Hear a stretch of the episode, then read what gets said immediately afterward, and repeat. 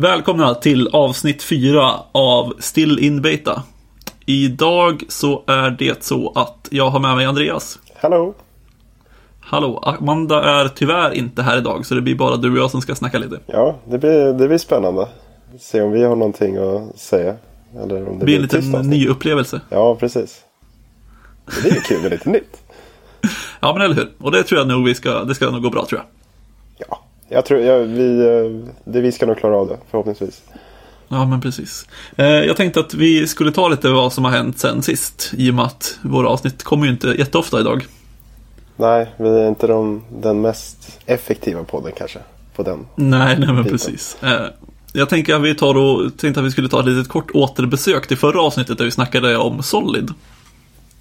Yes. Och det var så att en av våra lyssnare, Niklas Lindstedt, gav oss en liten kommentar gällande Liskov Substitution Principle. Och det vi egentligen snackade om då var ju att vi hade en liten, eh, vi hade ett exempel som jag drog med rektangel och kvadrat.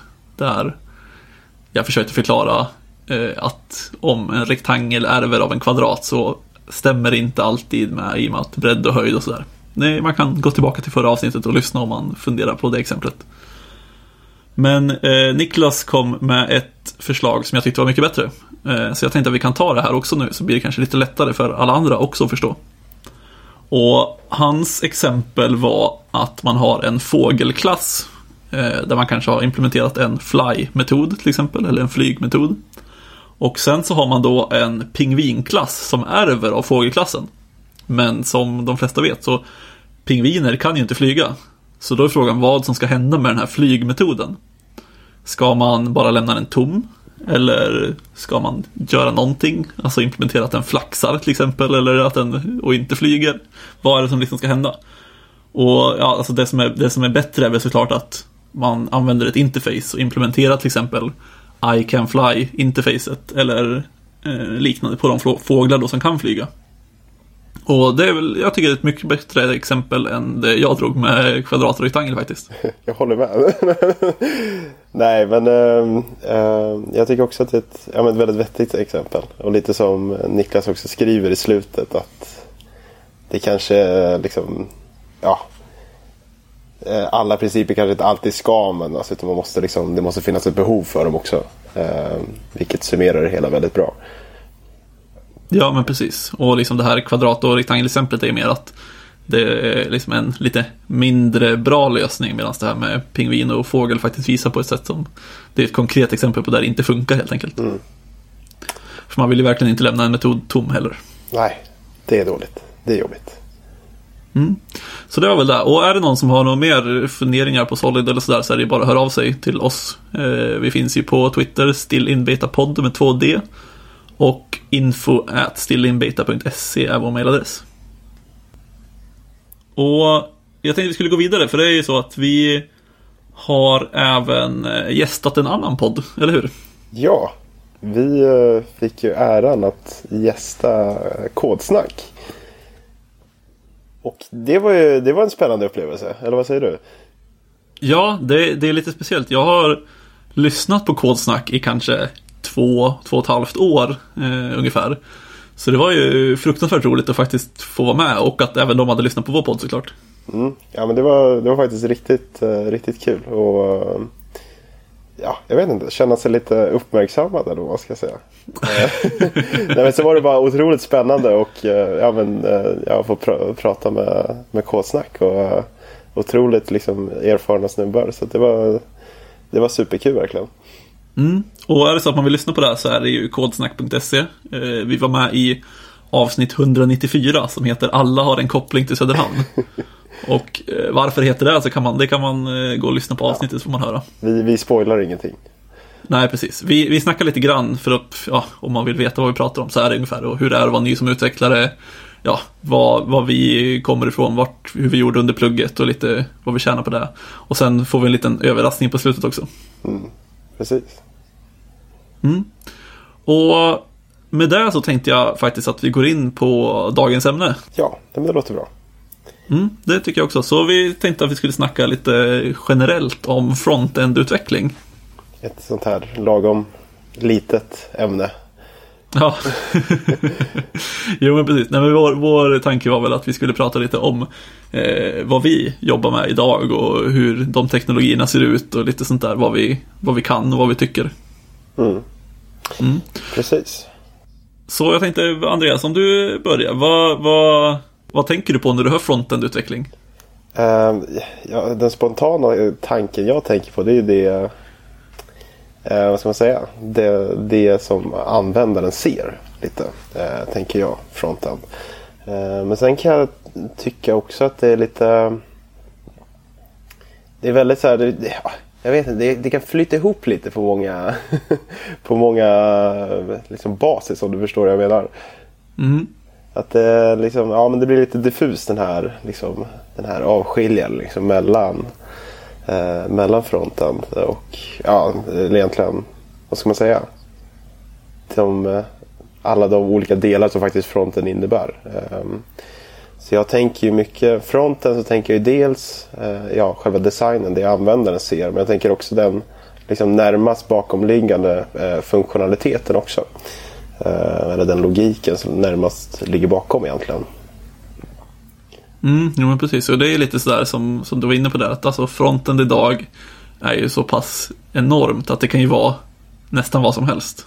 Eh, alltså man kan ju skriva, om vi går in på JavaScript direkt så kan man ju skriva JavaScript för backend idag och då blir det ju backend och då tänker man ja men JavaScript är bara ett frontend-språk mm. och sådär. Men jag är ju helt klart med på samma linje som dig, att frontend är liksom det som ligger närmast användaren kan man säga. Eh, sen finns det ju väldigt mycket, alltså folk skriver ju hela applikationer idag i frontend mm. eh, utan att ha någon egentlig backend nästan. Ja, eh, så det är ju väldigt, väldigt, väldigt brett. Ja, Men jag tänkte om vi börjar från, eh, från eh, grunden. När liksom körde du frontend-utveckling från början? Var det det första du gjorde eller har du alltid pysslat med backend? Uh, um, jag har aldrig varit någon gedigen liksom, insnurrad på fronten så förrän jag började jobba egentligen.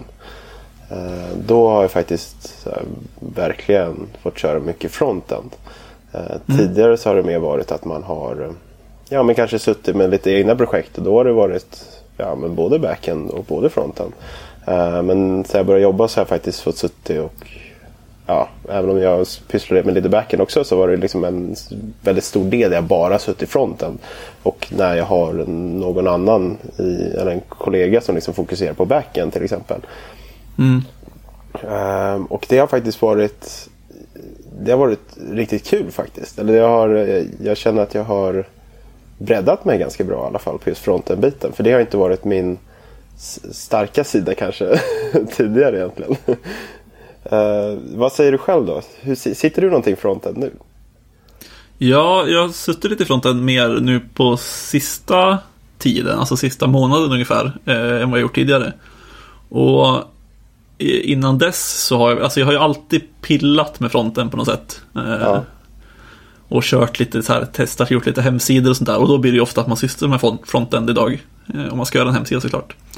Precis. Men det har ju väldigt ofta varit att jag liksom, jag tycker ju fortfarande att backend är roligast. Mm. Eh, vilket gör att jag fokuserar ju hellre på det och lägger kanske inte lika mycket tid och energi på frontend-delarna liksom, när jag sysslar med egna projekt. Mm. Men eh, nu senaste tiden så har jag liksom mm, gjort lite större fronten-grejer och det har varit riktigt, riktigt roligt. Eh, även om jag väldigt, väldigt ofta har varit väldigt frustrerad också. och vad har de här, den här frustrationen grundats i? Om man säger? Ja, men vi, jag jobbar ju med en eh, ganska stor hemsida idag. Ehm, som, ja, jag skulle göra om en större del på den hemsidan helt enkelt. Eh, och det var ju mycket CSS eh, och mycket eh, JavaScript i mm. princip. Och det är väl mest CSS som frustrerar mig tror jag, för den gör inte alltid som jag vill. Och även om man kör till exempel LESS eller SAS, eh, som för de som inte vet är då, ja vad ska man säga, eh, ett Ja. Ett, ett, det är en, en typ av CSS som man sen kompilerar till CSS kan man säga. Ja, för att förklara det enkelt. Enkel förklara. Vi kan kanske prata lite mer om det sen. Vi kan gå in på det lite snart. Eh, men ja, det är väl mycket där frustrationen har varit. För att den inte har gjort som jag ville. Mm. I princip. Jag kan, jag kan eh, Ja, alltså just med CSS. Eh, det, det kan jag ju säga direkt att det är liksom inte min, mitt starkaste kort. Det är det verkligen inte. Jag tycker om att ja, pilla med logik och ja, det tycker jag är skoj. Och sen blir det mycket CSS också. Um, och det har varit, ja men jag kan hålla med, det har varit frustrerande många gånger. Uh, och jag tycker det är så roligt när man sitter och testar med CSS. För att det är så här, man, oh, man testar så mycket olika grejer. och ja, det, det, blir så mycket konflikter och så mycket strul. Alltså jag, ja, jag skulle verkligen behöva bättra på, på den fronten känner jag. Mm. Nej men det är så att alltså, så här, när man pratar liksom fronten idag så är det väl framför allt HTML, CSS och JavaScript. Mm. Som, eh, som man sysslar med egentligen. Ja, absolut. Eh, sen finns det ju som vi kom in där lite grann på med LESS och SAS, att det finns ju eh, alternativ så att säga. Och jag tänkte, kan inte du berätta lite grann vilka teknologier du jobbar med idag? Frontend-teknologier så är det faktiskt nästan uteslutande eller ja, om man ska säga, om man, ja, ta JavaScript och så nästan jobba uteslutande med Angular 2. Okay. Ehm, och sen har jag suttit en del med eh, SAS också. Ehm, när det kommer till mm. ja, CSS-biten då. Ja, men precis. För det där är ganska intressant att det finns ju så fruktansvärt mycket olika val. Att det är så sjukt. Mm. Det, det är helt omöjligt att ha koll på alla för det första. Men det jag tänker liksom så här, när du har jobbat, om vi börjar med, med SAS. Eh, för de som inte vet, kan du liksom förklara vad SAS är? Varför, varför använder du SAS och inte CSS? Um, ehm, ja, SAS har ju varit för att, ehm, för att just, vad ska man säga, jag, nu har inte jag någon bra definition på det. Um, men eh, SAS har varit för att liksom, ta, ta CSS steget längre om man säger. Eller göra, göra mm. CSS smidigare att hantera. Um, um, just för att liksom, ja, till exempel kunna jobba med, med, med variabler, eh, med funktioner i CSS till exempel. Och sen bara tycker det är så otroligt mycket smidigare när du ska eh, när du vill referera till dina element egentligen. Mm. Det blir en, en mer effektiv syntax om jag får säga så. Mm, jo men det, det får du ju absolut göra. Um, och, så att, uh, ja. Ja men precis. Och det jag, det jag tänkte på för att, eh, att jag frågade just om SAS är för att vi använder LESS eh, nämligen. Mm. Och jag har egentligen ingen riktig referens på vad det är som skiljer de här. Jag har bara sett att båda används till samma sak. Alltså man kompilerar ju båda till CSS i slutändan. Ja. Och det känns som att båda lägger till, som du var inne på, där, variabler. Man kan lägga till lite så här for-loopar och såna här grejer finns väl. Eh, och enklare att referera liksom. Man kan nästla element. Mm. Eh, för att referera till dem då så att säga. Och alltså i, i dagsläget så skulle jag ju aldrig skriva CSS rakt upp och ner igen tror jag. Om du inte eh, måste. Ja, men det vet fan om jag inte skulle vägra. eh, nej, men alltså för att det här hjälper så pass mycket tycker jag. Det gör det mm. väldigt, väldigt, väldigt mycket enklare. Alltså du kan till exempel dela upp så här. Mm, alltså din CSS i, eller din less i vårt fall då eh, i olika filer som du sen kan referera till och alltså mellan filerna och sådär. Eh, och det är ju väldigt, väldigt härligt. Mm, precis, och det gör det otroligt mycket enklare att hantera liksom, konflikter också. Eh, vilket är otroligt mm. skönt om du får en schysst ja, eh, struktur på det hela. Mm. Nej, så det, det, tycker jag är verkligen Alltså någonting som jag, ja, nej.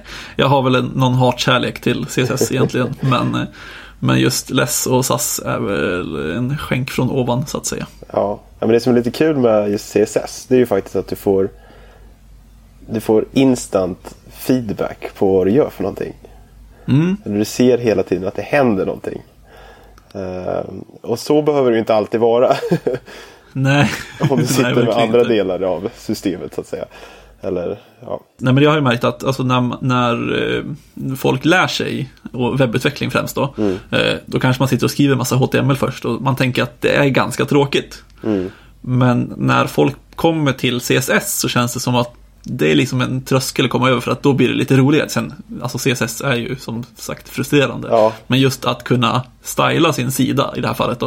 eh, det är en ganska rolig grej att göra för första gången. Ja, nej, men alltså jag, jag, känner igen det där så mycket när jag gjorde mina första hemsidor egentligen. alltså när man blev introducerad till CSS. Uh, det var ju som om ja, ja, den kom ner på, från himlen på ett silverfat. Lite. Äh, men det var, ja. det var liksom, allt blev så mycket lättare och allt blev så mycket roligare. Uh, det blev mm. liksom, det blev ja, framförallt mindre, ja, vad ska man säga, behövde inte repetera så otroligt mycket hela tiden. Uh, nej, nej, och det precis. var ju ja, det var ju, ja, det var ju inga avancerade grejer alls. Men bara, bara den känslan liksom. Otroligt härligt. Uh, men det du, det, det, du var inne på lite tidigare, skillnaden mellan SAS och LESS. Uh, mm. Jag kommer inte att kunna svara på den frågan. men jag har, tänkt, jag har tänkt exakt samma sak. För jag kollar på båda, jag, jag har egentligen bara jobbat med SAS. Uh, pysslat lite smått med LESS. Uh, mm. Men jag kollar lite på bägge. Och jag har också tänkt den tanken att förutom lite så små syntaxgrejer så tycker jag så här, ja men det här är ju, det är ju typ exakt samma sak. Varför mm. existerar bägge två? ja, men verkligen. Jag har också tänkt i de banorna men aldrig kommit till att undersöka det närmare så att säga. Mm, precis. Sen nu har jag ingen koll på om det här stämmer eller inte faktiskt. Jag tror jag bara har hört det. ja, men du får, man får absolut slänga ut sig, ur sig kontroversiella åsikter. Uh, men det jag har hört i alla fall, eller det som uh, jag har hört om jämförelsen med de här två egentligen. Att SAS erbjuder egentligen en större grad eller en bredare liksom, funktionalitet än vad LESS gör.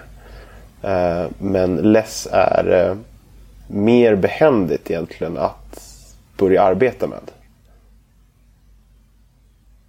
Ja, det kan säkert Ja, jag, jag, har ingen som helst underlag från det här förutom att jag typ har hört det på lite långt håll. Så att det, ja. ja.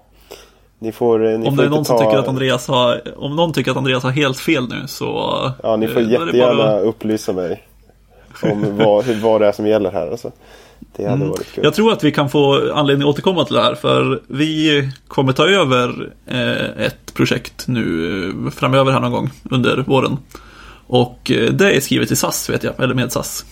Ehm, ja men spännande. Så då kommer jag behöva lära mig SAS. Ehm, jag, tror inte och, den, eh, jag tror inte den tröskeln är så hög om du har sysslat med LESS. Nej, nej det, det, är mycket möjligt. Men det ska ändå bli kul att se, se skillnader och sådär. Ja men perfekt, då kan du kanske mm. återkomma och svara på den här frågan lite närmare längre fram. Ja men precis, vi, får, vi, ska, vi ska verkligen återkomma till det. Men hur, hur jobbar ni med, jag antar att ni använder något JavaScript-bibliotek eller ramverk eller sådär? Mm. Uh, du pratade om Angular 2 tidigare. Precis, uh, jag har jobbat en, ja, en del i Angular 2 egentligen. Och trivs väldigt bra med den tekniken. Mm. Uh, jag vet inte, har du, har du tittat någonting på Angular 2? Nej, jag sitter ju eh, nästan uteslutande i Angular 1.7 eh, eller 1.6 eller vad det är som är senaste innan de gjorde om till tvåan. Mm. Eh, och det, det trivs jag, alltså det tycker jag ändå är ganska bra. Jag, har, jag vet inte riktigt, jag har en lite svårt förhållande till Angular. Jag tycker lite att Angular försöker göra lite för mycket ofta. Eh, ja. Alltså det blir det, det, kan bero på hur, hur vårt projekt använder det också. Jag vet inte om jag är helt nöjd med hur vi använder det. För vi använder väldigt lite av Angular trots att vi använder Angular. Okej, det låter eh, spännande. Ja, det är ju inte en... Eh, alltså det är inte en, en fullblodig Angular-applikation vi har skrivit. Utan det är ja. mer att vi använder Angular för vissa komponenter i princip. Och vissa eh, komponenter som ska hantera dynamisk data liksom, eller? Ja, i princip. Ja. Eh, och det, ja, jag vet inte om det finns bättre alternativ. Eh, jag kan ju Angular. Mm. Så att för mig så är det ju ändå bra på något sätt. Men ja, det är mycket möjligt att det finns andra alternativ som är bättre egentligen. Men ja, i dagsläget är det inte så mycket att göra åt liksom. Nej, det är ju, ja, man väl har Det är därför det är så otroligt viktigt att göra bra övervägningar i början av ett projekt. Mm.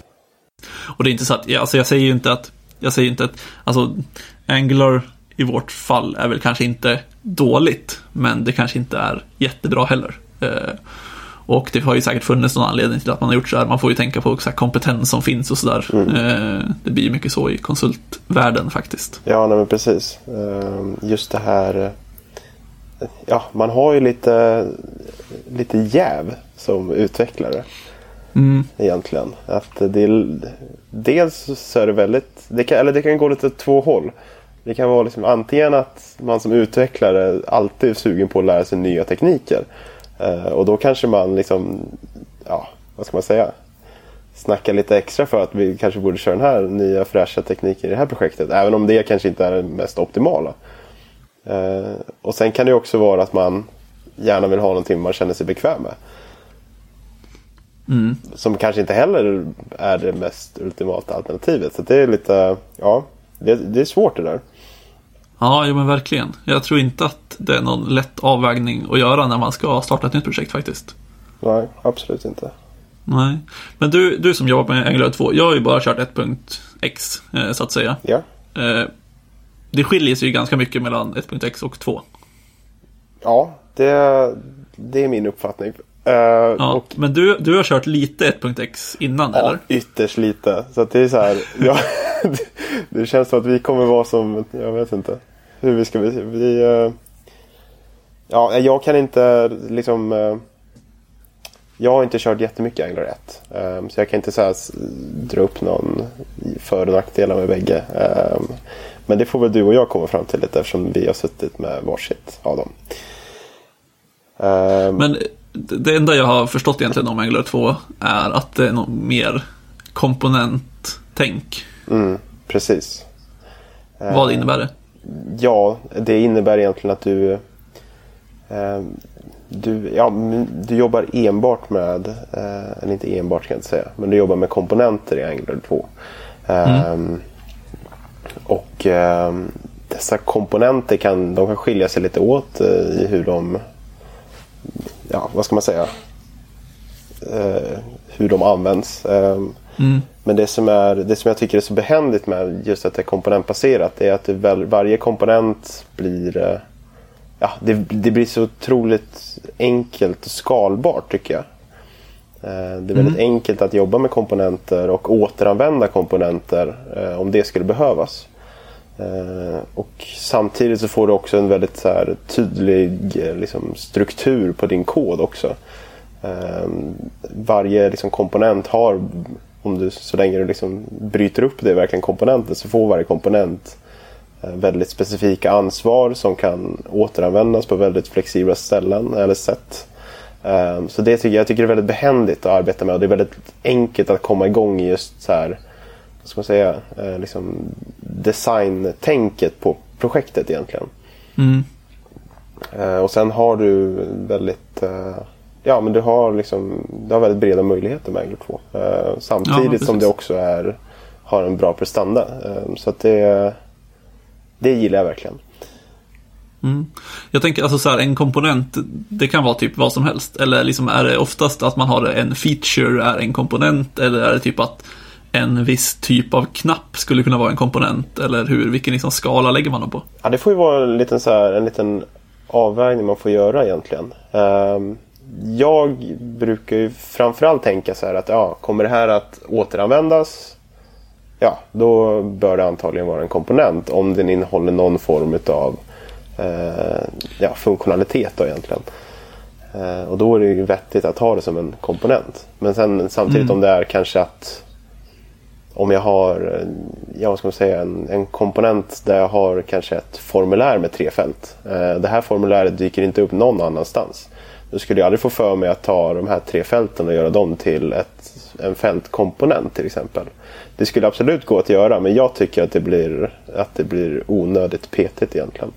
Um, så att det, ja, men det, kan, det, det är en liten övervägning man får göra och det får man ju även liksom, vad ska man säga, komma överens om lite i sitt team när man arbetar. Uh, lite hur, mm. man, hur långt man vill dra det. Man, kan ju, man, får, man får ju ha lite så här, jag vet inte, fin fingerkänsla. Liksom, vad, du vill inte att varje, en komponent ska bli alltför stor men samtidigt så vill du inte ha en massa små fnuttkomponenter som, som eh, bara blir jobbigt att, att hantera egentligen. Och du, speciellt om du behöver ha mycket interaktion mellan komponenter till exempel. Eh, och, sit, och sitta och hålla på och behandla liksom, event för massa små interaktioner som ja, det blir bara rörigt till slut. Ja, jag kan tänka mig det. Jag tänker i Angular 1 så är det mycket, då är det störst fokus på controllers och eh, direktiv egentligen. Mm. Finns det är fortfarande kvar i tvåan också?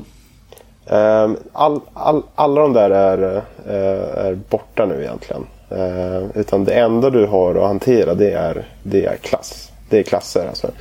Mm. Ehm, Så att ehm, ja, du, du behöver liksom inte det, det, på så sätt har det blivit otroligt mycket enklare egentligen eh, med Angular 2. Mm. Jo, men precis. Och nu, nu när du sa klass där, alltså jag tänker Alltså JavaScript, eller man skriver ju aldrig liksom klass i, i Angular 1 till exempel. Nej, Eh, använder ni TypeScript på Angular 2 också? Det stämmer bra det. För det är väl eh, standard, har jag fått för mig. Eh, ja, det är väl standard. Men jag tror du är inte begränsad till det. Men det är väl Nej. standard.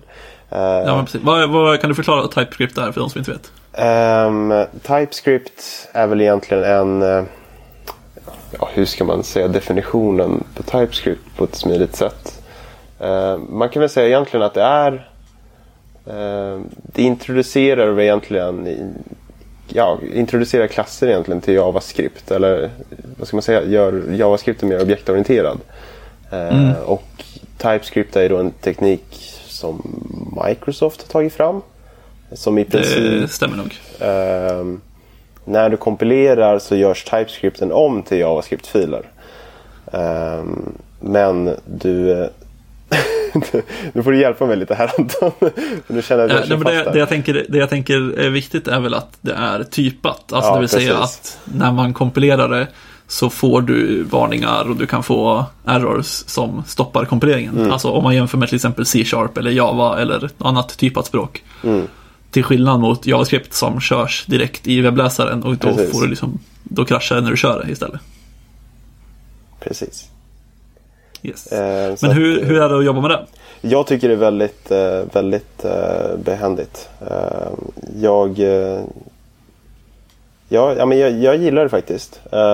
Visst, det var lite annorlunda i, i början, absolut. Men så fort man kommer in i det så tycker jag det är väldigt så här, ja, men det, det är smidigt och det är ja, behändigt bara. Och sen För det är väl att väldigt- det är väldigt likt. Vad sa du? Det är väl väldigt likt eh, C-sharp va? Ja, precis. Så man känner, ju, man känner igen sig på mycket sätt, eh, många sätt. Eh, Och sen också att du liksom Ja, du extendar JavaScripten på, på så många plan egentligen. Eh, Ja men precis. och du får, ja, du får mycket större möjligheter på en gång. Vilket är väldigt skönt. Mm. Ja, men jag kan tänka mig det. För jag, jag känner ju när jag skriver JavaScript så pendlar man lite grann mellan att man tycker JavaScript är härligt för att det är så fritt och öppet och jag kan göra vad jag vill i princip. Eh, och sen stöter jag på en bugg som jag borde ha upptäckts för jättelänge sedan när det hade kompilerats om det var ett typat språk. Och då går jag tillbaka till tryggheten som är C-sharp och mår bra där ett tag Ja, eh, innan den här eh, cirkeln sluts och allting återupprepar sig. Och det, det kan jag tänka mig. Jag har skrivit lite grann i, i TypeScript, alltså några så små övningsuppgifter bara för att känna på språket och det tyckte jag var väldigt, väldigt härligt faktiskt. Men det är som sagt väldigt likt C-sharp också. mm. ja men precis. Ja, nej, jag tänker i Angular 1 så är det ju väldigt så här att man har eh, controllers för vissa delar och sen kan man ha liksom controllers. Jag känner ofta att det blir, jag vet inte riktigt så här, alltså det är svårt att, att säga när man inte kan det jätteväl. Alltså jag kan inte säga att jag är en Angular-expert. Utan det är mer att ibland känns det liksom som att allting blir så nästat, alltså som att det är lite tentakler här och där. Eh, som, som liksom nuddar på alla grejer. Sen samtidigt så tycker jag att det är härligt med den här controllers där man vet att ja, men den här controllern är ansvarig för det här och sen skickas det bak till någon service som sen någon annan controller har någon, någon koppling till och sådär. Eh, så att jag tycker ändå att det är riktigt roligt och jag vet att jag såg någon graf någon gång om hur det var att lära sig Angular och då var det att det gick fort väldigt uppåt och man tyckte det var sjukt kul. Sen störtdök det för att man tyckte att allting var helt knäppt och sen upp igen och så ner igen och så vidare. Eh, Jag, jag lägger en bild, eller en länk till den där bilden i anteckningarna för avsnittet så kan man kika på den om man vill. Precis. Är det några andra liksom, JavaScript-bibliotek du har sysslat någonting med? Ja, jag funderade på det. Ehm, alltså inte något så större, tror jag. Ehm, på rak arm. Ehm, jag kommer förmodligen jobba lite grann med React i, i framtiden om ett tag. Ehm, och det tycker jag också ska bli riktigt kul, för React har jag faktiskt nästan ingen koll på överhuvudtaget. Nej, det kan jag säga. Jag, jag har sett ytterst lite av React faktiskt. Mm, jag vet att man skriver eh, alltså HTML och JavaScript i samma fil. Vilket låter ganska konstigt, men kanske är bra, jag vet inte. Det, det beror Eh, på hur, eh, hur, eh, ja, hur ska man säga, hur pass mycket liksom, det omfattar. Eh, Jag Ja, vet inte, är. React, eh, är det också liksom komponentbaserat lite? Eller? Ja, min uppfattning är att det är det. Mm. Eh, jag har, som sagt, det är egentligen bara eh, gissningar här. Men som jag förstår det så är det också komponentbaserat. Men det verkar bara vara själva, om man tänker att Angular är ett MVC-ramverk, alltså ett Model View Controller som har hand om liksom allt. Mm, Ja, man skulle kunna skriva en hel applikation i Angular. Så är min uppfattning att React bara har hand om liksom vy-delen, alltså att koppla data till vyn. Mm. Eh, så vet jag inte om det är så. Men jag tänker att vi kan återkomma till React framöver när jag har jobbat lite med det. Eh, så får vi se vad jag tycker då. Så kan jag jämföra det med Angular helt enkelt och se eh, om det är min nya kärlek eller om jag fortfarande sitter fast i Angular. Ja, men det låter bra. Mm. Jag tänkte lite grann, vi har ju pratat lite grann om det här med, med alltså vi har ju både JavaScript-ramverk och vi har eh, liksom CSS, alltså SAS och vi har LESS och sådär. Det finns ju även eh, ramverk, jag vet inte, kallar man det ramverk eller bibliotek? Det här har jag funderat på tidigare. Skillnaden mellan ramverk och bibliotek. Men st- strunt samma för nu, för jag har ingen bra lösning på det. Jag har, någon gång har jag hört att den ena anropar du och den andra anropar dig. Typ. Det, ja, det var ganska, ja, det kanske är Men vilken som är vilken, det vet jag inte. eh, I vilket fall, det jag tänkte komma in på. Eh, om vi kallar det ramverk nu. Eh, Ja. Så tänkte jag att det finns ju även CSS-ramverk. Använder ni något sånt också? Eh, Om jag säger eh, Bootstrap eller, ah, okej, okej. Nu är jag eller med. Nu är jag med här. Foundation finns väl också. Eh, Precis, precis. Nu är jag med. ja, men bra. Okej, använder du Bootstrap eller liknande Ja. när du jobbar? Eh, vi, eh, vi har, eller jag har väl nästan uteslutande eh, jobbat med Bootstrap faktiskt. Mm. Eh, och det trivs jag väldigt bra med. Ja, men precis. Och Bootstrap är ju då alltså ett, eh, vad säga, en sätt med komponenter, färdigskrivna CSS-komponenter egentligen. Som man kan styla. Den, den största fram, eller den mest framgångsrika kan man väl säga är ett liksom, rutnät där man kan eh, egentligen strukturera sin, hur sidan ska se ut och lägga upp dem i olika rutnät i kolumner och sådär. Precis. Men sen finns det ju allt från, alltså den har ju allt från JavaScript-grejer till CSS-grejer och sådär också. Men eh, det är väl främst CSS som den är känd för eller vad man ska säga. Ja, precis. Eller var det man fick, eh, i alla fall jag, liksom kärleken till. Det var ju hela liksom den här, eh, hela grid eh, layouten egentligen. Mm, jo men precis. det var ju helt fantastiskt. ja, och det, det, då kommer, det, man kan ju tänka sig att det här kommer från att det är inte så många som gillar CSS. ja, precis. Utan då är det någon som har gjort det här bra och då kör man på det. Och nu kör väldigt, väldigt, väldigt många på det. Mm. Precis. Jag började faktiskt kolla på eh, Foundation innan Bootstrap. Mm. Eh, men sen eh, vet jag inte riktigt vad som hände riktigt med... Har du suttit nog med Foundation på sistone? Nej, Det- och jag vet inte om jag har sett det. Nej, det var det jag också tänkte. För det bara försvann. Lite Ja. för mig i alla fall. Jag vet inte vilka som ligger bakom Foundation, för Bootstrap ligger Twitter bakom. Mm, precis. Eh, Foundation vet jag faktiskt inte, men det är som sagt ingenting jag har sett på ett tag heller. Nej, det är faktiskt... Eh, ja, men det, alla projekt jag har blivit involverad i så är det liksom... Eller då, och allt jag har hållit på med själv egentligen. Så det är alltid liksom uteslutande varit Bootstrap som har, som har Mm. varit the shit liksom.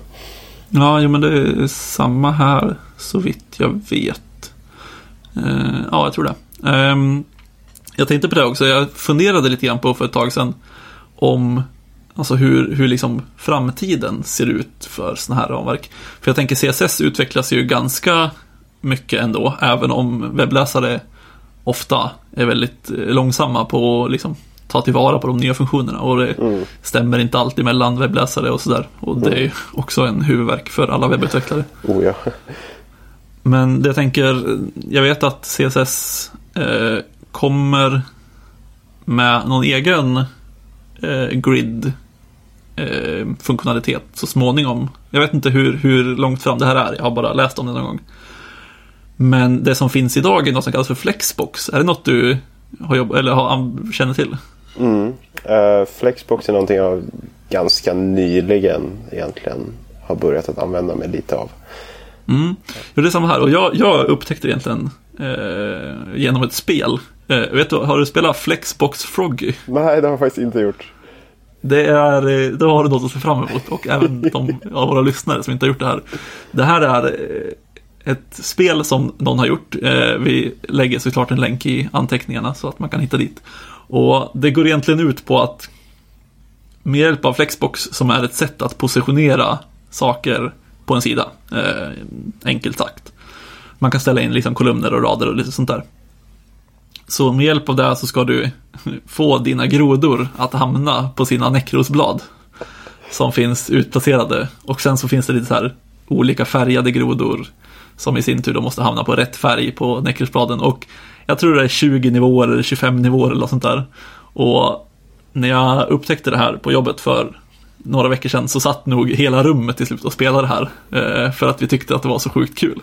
Fantastiskt. Eh, Och vi lärde oss även Flexbox. Och jag använde det sen direkt efter för att lösa ett problem som jag hade haft innan. Så att eh, den som har gjort det här är ju ett geni för det första. Men eh, jag rekommenderar verkligen att gå in och spela Flexbox Froggy. Ja, Det ska jag testa imorgon på jobbet.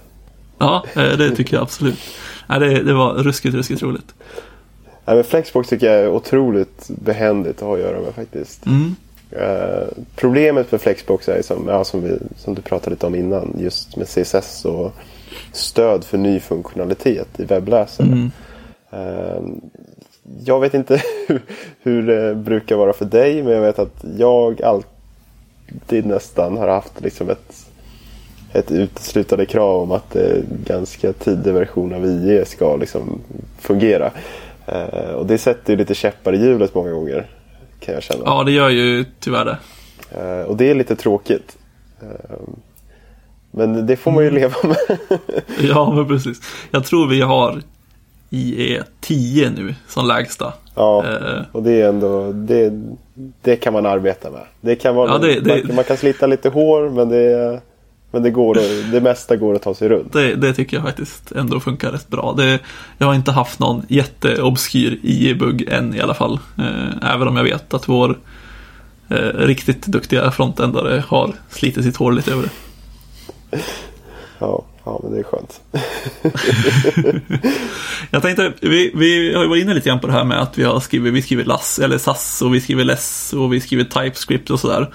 Um, hur, för jag tänker allt det här måste ju kompileras. Har ni eh, satt upp någonting, eh, alltså något byggsteg på era frontend-grejer så att det körs liksom automatiskt eller kör ni det manuellt eller hur funkar det? Ehm, jag har väl egentligen... Det, det varierar lite. Um, har väl använt egentligen en hel del webpack. ehm, Mm. För just ehm, för det steget egentligen. eh, när jag jobbat med, med Angular 2. Vilket har varit väldigt behändigt. Eller du får väldigt mycket. Ja, men precis. Um, själv då? Ja, alltså just idag så kör vi ju främst, eh, vi kör Gulp som är, alltså man skriver JavaScript som, mm, man skriver olika eh, tasks, eller vad man ska säga, eh, i den som kan köras liksom när man ändrar i filer och sådär. Det finns massor av plugins till det här. Och allt det här i sin tur kör ju på Node.js som är ett, ja vad man säger, JavaScript för backenden i princip. Mm. Eh, alltså du kan köra JavaScript utan en webbläsare. Eh, så att det är väl det vi kör främst idag. Sen har vi även kört lite grann med Visual Studios inbyggda eh, bygggrejer. Eh, alltså som kompilerar och liksom packar ihop filer och sånt där. Och eh, minifierar, alltså tar bort Mm. onödiga grejer från CSS och JavaScript-filer och sånt. Precis. Så det är väl de två varianterna vi har kört. Mm. Eh, jag är fruktansvärt nyfiken på Webpack för att vi, eh, det är också en av de grejerna som jag kommer köra framöver och som jag har noll koll på överhuvudtaget. Ja, och när jag har försökt när jag har försökt komma in i det så känns det väldigt som att tröskeln att komma igång är väldigt hög. Mm. Och jag kan ju liksom säga så här att jag har inte använt Webpack mycket. Eh, vad ska man säga? Hur ska, man, hur, ska, hur ska jag säga det här? Jag kom in på Webpack ganska mycket för att jag har kört eh, eh, Anglers 2s eh, command line interface väldigt mycket. Eh, och då var det väldigt behändigt att köra med Webpack för att få in sina vad ska man säga, för att processa sina filer egentligen och få in sina dependencies eh, på ett Ja. smidigt sätt. Eh, men jag tror inte jag skulle kunna hjälpa dig över den där tröskeln riktigt. Om du förstår vad jag menar. Jag förstår helt och hållet. ja. Ehm, men hur skulle du liksom, eh, om, du skulle liksom jämföra liksom Gulp och Webpack? Om det är en legit liksom jämförelse, hur skulle du försöka- jag har ju ingen aning. Eh, alltså, ja, det här har jag ändå googlat på. Alltså jag har googlat Gulp versus Webpack. Ja. Eh, och svaren man får är antingen att Webpack är bäst. Gulp gör allting den ska göra. Varför skulle man vilja använda Webpack som gör det så mycket? Eh, eller typ, du kan inte ens jämföra de två, de gör olika grejer. Precis, jag känner lite samma sak där. Ja. Eh, och jag har använt mig av bägge parallellt. Mm, men det känns lite som att man skulle kunna göra det. Alltså att Ja. de kan göra olika saker. ja, det tycker jag faktiskt. Så att ja, jag har väldigt svårt att sätta fingret på vad Webpack är för något. Förutom att alltså jag har i princip knappt fått igång det. Jag har kört det en gång Mm. och fått den att göra det den skulle, eller det jag ville testa liksom. Ja, skönt. Men eh, sen tyckte jag att det var lite för, för eh, lite för krångligt att komma igång liksom. För att jag skulle orka fortsätta med det. Mm. Jag förstår. Men jag tycker, jag tycker, jag tycker Gulp är väldigt eh, behagligt att ha att göra med faktiskt. Mm. Ehm, det, det blev, eh, vardagen blev mycket enklare när de blev introducerade till Gulp måste jag säga. Ja, men det tycker jag med. Och jag tycker Gulp är väldigt... Det är som sagt, det är relativt lätt att komma igång. Det är inte jättemycket man behöver installera. Och sen kan man ju som sagt köra exakt de pluginsen man vill för att eh, få den att göra det man vill. Ja, nej, men precis. Och det öppnar ju upp väldigt många dörrar. Mm, ja, men verkligen. Alltså det är ju... Det är ju eh, vi använder den bland annat för att liksom till exempel när man utvecklar då så kan man köra eh, live reload så att den om jag ändrar någon fil så uppdateras sidan automatiskt så jag kan se ändringarna. Den laddar om CSS-filer för mig och sånt där. Eh, förutom då att den paketerar ihop allting och bygger det och sånt där när man ska släppa det och så. Mm. Så det är ju super, super brett vad man kan göra med det. Eh, och jag tror inte vi utnyttjar alla möjligheter heller. Nej, absolut Men, inte. eh, Det är väl eh, bara fantasin som sätter stopp där nästan. Men ja, nej, men otroligt härligt verktyg och värt att sätta sig in i.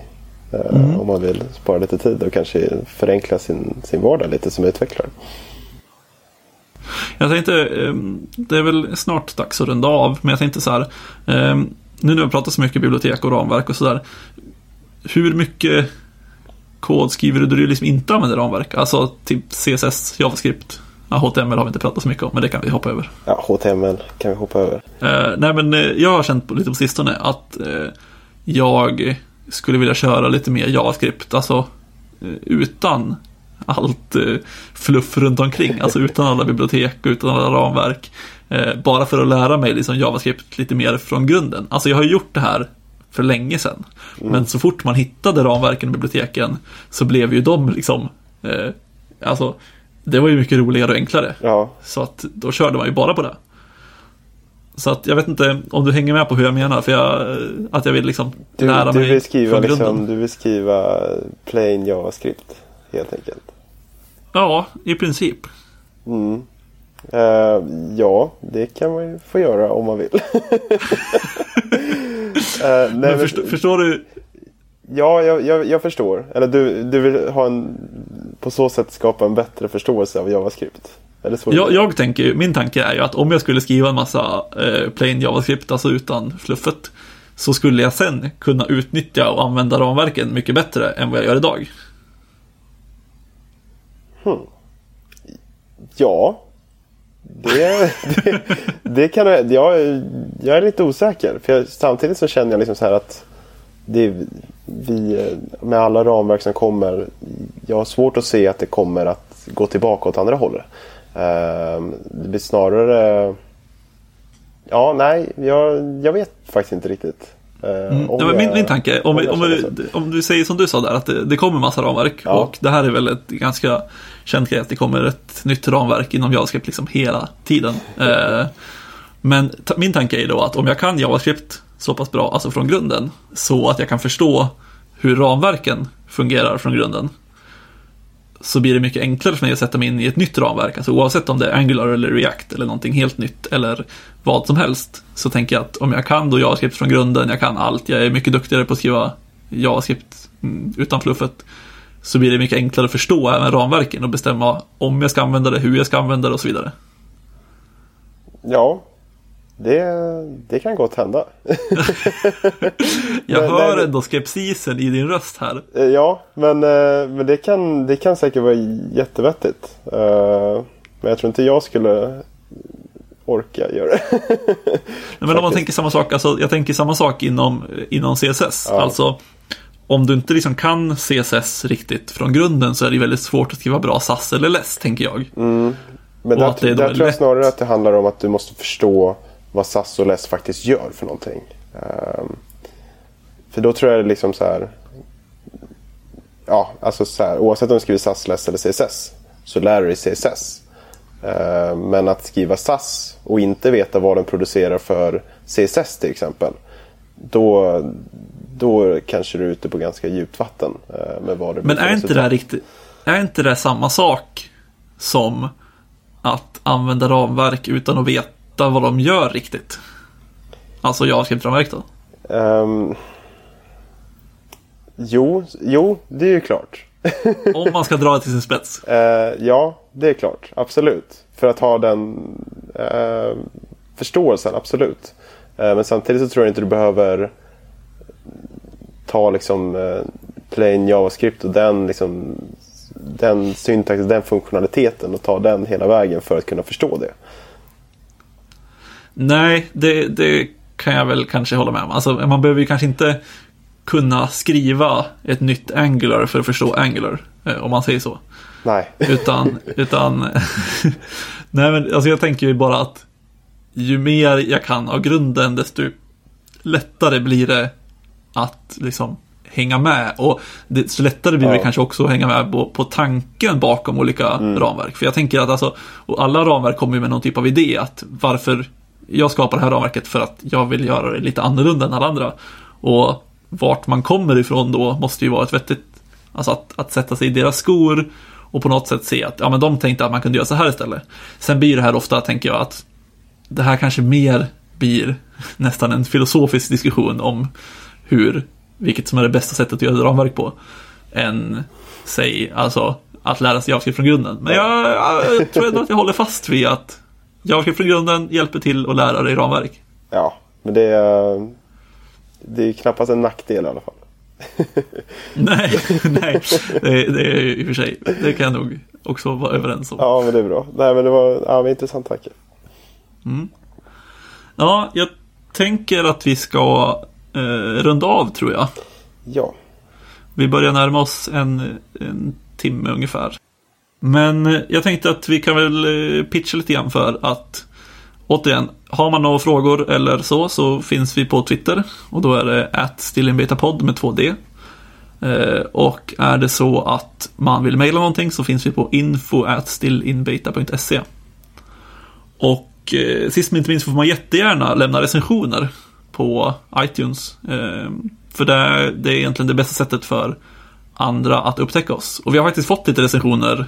Eh, så att det är vi jätteglada för. Bland annat från Med F.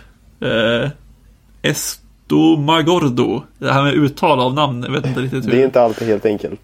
Nej, och den sista eh, vet jag inte om jag tänker försöka mig på, men Shruk. Eller, eh, ja, nej, vi lämnar det där. jag tror det. Ja. Ja, jättetack för alla recensioner och jättekul att alla lyssnar på oss. Ja, superkul verkligen. Mm. Och med det så säger vi väl eh, tack och hej för den här gången. Ja, Tack. tack. Hej då. Hej.